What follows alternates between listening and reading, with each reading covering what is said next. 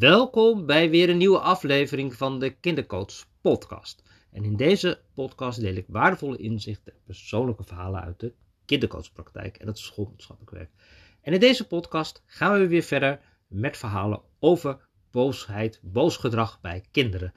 En vandaag wil ik wat extra aandacht geven aan de kinderen die heel erg prikkelgevoelig zijn, overgevoelig, of soms wordt ook wel HSP genoemd. Uh, heel erg sensitieve kinderen en kinderen die ook ja, snel geraakt worden door de wereld, maar ook de wereld vaak heel, ja, heel intens beleven. En ja, de emoties zijn vaak dan ook weer ja, misschien nog wel veel groter. En zowel het boosheid als de blijheid of het verdriet of de angsten, die dan ook vele malen groter zijn. Dus ja, dat is natuurlijk wel, uh, nou ja, als je daar last van hebt, dan betekent dat, dat ook wel ja, dat dat vraagt van hoe ga je daar dan mee, mee om? En zelfkennis is natuurlijk dan ook echt een super, super belangrijke. Dat je goed weet van, ja, wat zijn, hoe zit ik zelf in elkaar en wat heb ik zelf nodig om weer tot rust te komen? Want wat natuurlijk ook zo is, hè, de wereld die is uh, zoals die is en we kunnen de wereld niet inpakken in een soort van stootkussen. Nee, dat gaat niet. Dus dat betekent dat alle kinderen, en ook als je overgevoelig bent, ook als je HSP hebt, heb je ook te dealen met de dingen die er in de wereld zijn. En een hele belangrijke die, uh, die ik kinderen probeer mee te geven, is het aangeven van grenzen.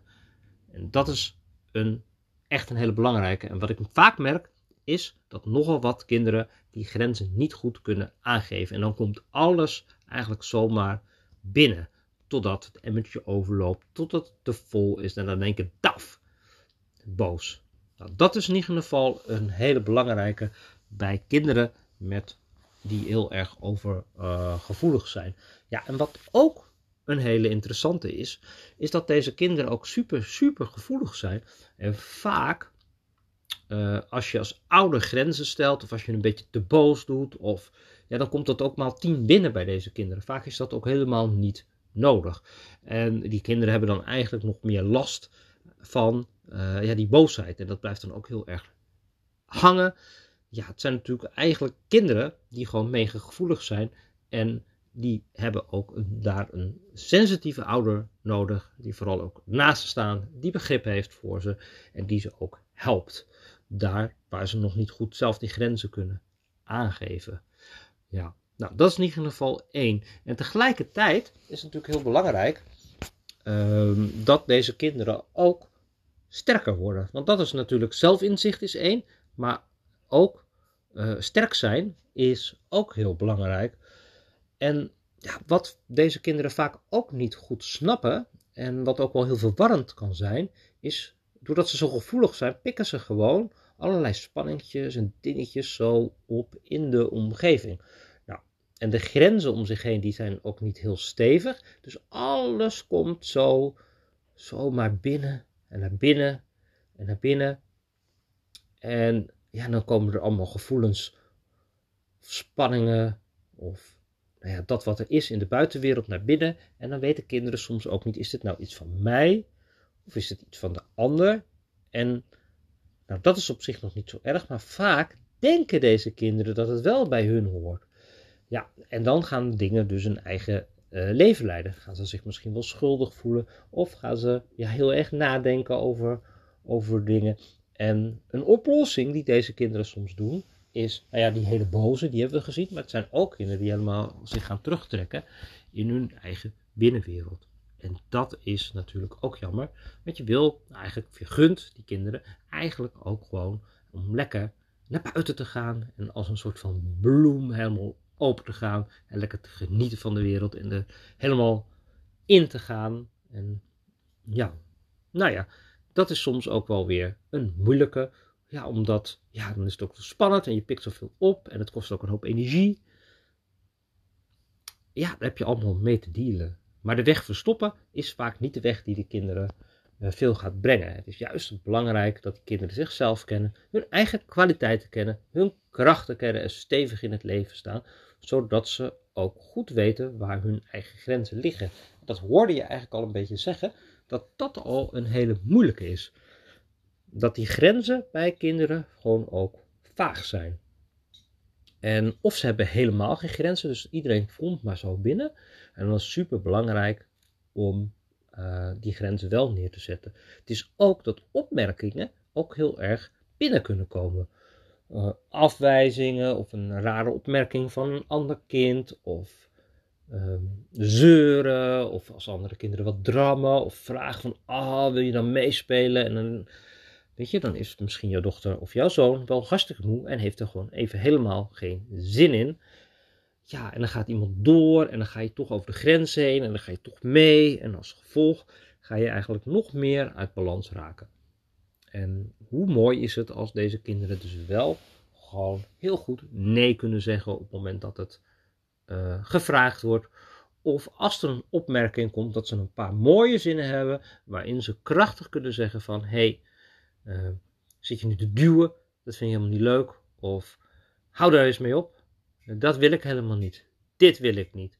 dat ze wat steviger zijn en ehm, nou, dat zijn manieren, um, weerbaarheid en assertiviteit zijn natuurlijk mooie uh, kwaliteiten die je dan kan inzetten, die je kan ontwikkelen om die grenzen beter neer te zetten. En vaak zie je dat deze kinderen die grenzen eigenlijk niet goed kunnen neerzetten. Wat je ook ziet is dat ze aan de binnenkant wel merken van dit vind ik niet leuk, maar dat ze het aan de buitenkant niet laten merken.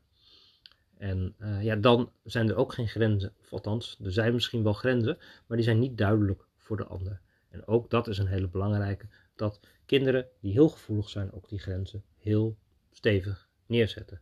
Ja, en als we zo zitten te praten en zo aan het onderzoeken, dan is het natuurlijk mooi om te zien van, hè, aan de ene kant hebben we bij boos gedrag gezien dat het heel belangrijk is om als ouder liefdevol en stevig te staan.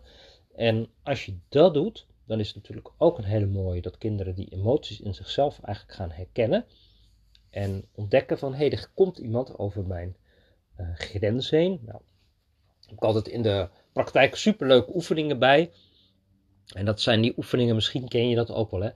Dat kinderen vragen om aan andere kinderen of aan mij, als ik, uh, als ik er ben. Of ik dan, dan staan we heel ver van elkaar af. En dat we dan, vra dan vraagt het kind van kom dichterbij. En die gaat dan bepalen waar, wat de afstand is. En dan merk je dat sommige kinderen hebben dus geen grenzen. En dan loop ik eigenlijk gewoon helemaal zo helemaal door. En andere kinderen die hebben de grens zo ver weg dat je nog heel ver staat. En dat is heel interessant om uh, ja, die grenzen, die denkbeeldige grenzen die er zijn, om die te leren kennen. Je kent het natuurlijk misschien wel ook wel als je in de uh, trein bent of zo. Dat uh, nou ja, nu vind ik het altijd heel fijn als er helemaal niemand naast mij zit. En ik heb dus de grenzen veel groter dan dat ik het eigenlijk voor de coronatijd had. Zo. Maar misschien weet je ook als het drukker wordt, dan accepteer je dat mensen eigenlijk veel dichterbij komen. En dan voelt dat op een gegeven moment ook oké. Maar misschien heb jij juist zoiets van, ja, dit vind ik helemaal niet fijn. Ik pak wel een tram verder. Ja, en dat is dus super interessant om zo te kijken van ja, welke ruimte tussen andere mensen vind je wel oké en wat niet. En wat gebeurt er als er wat meer druk op komt?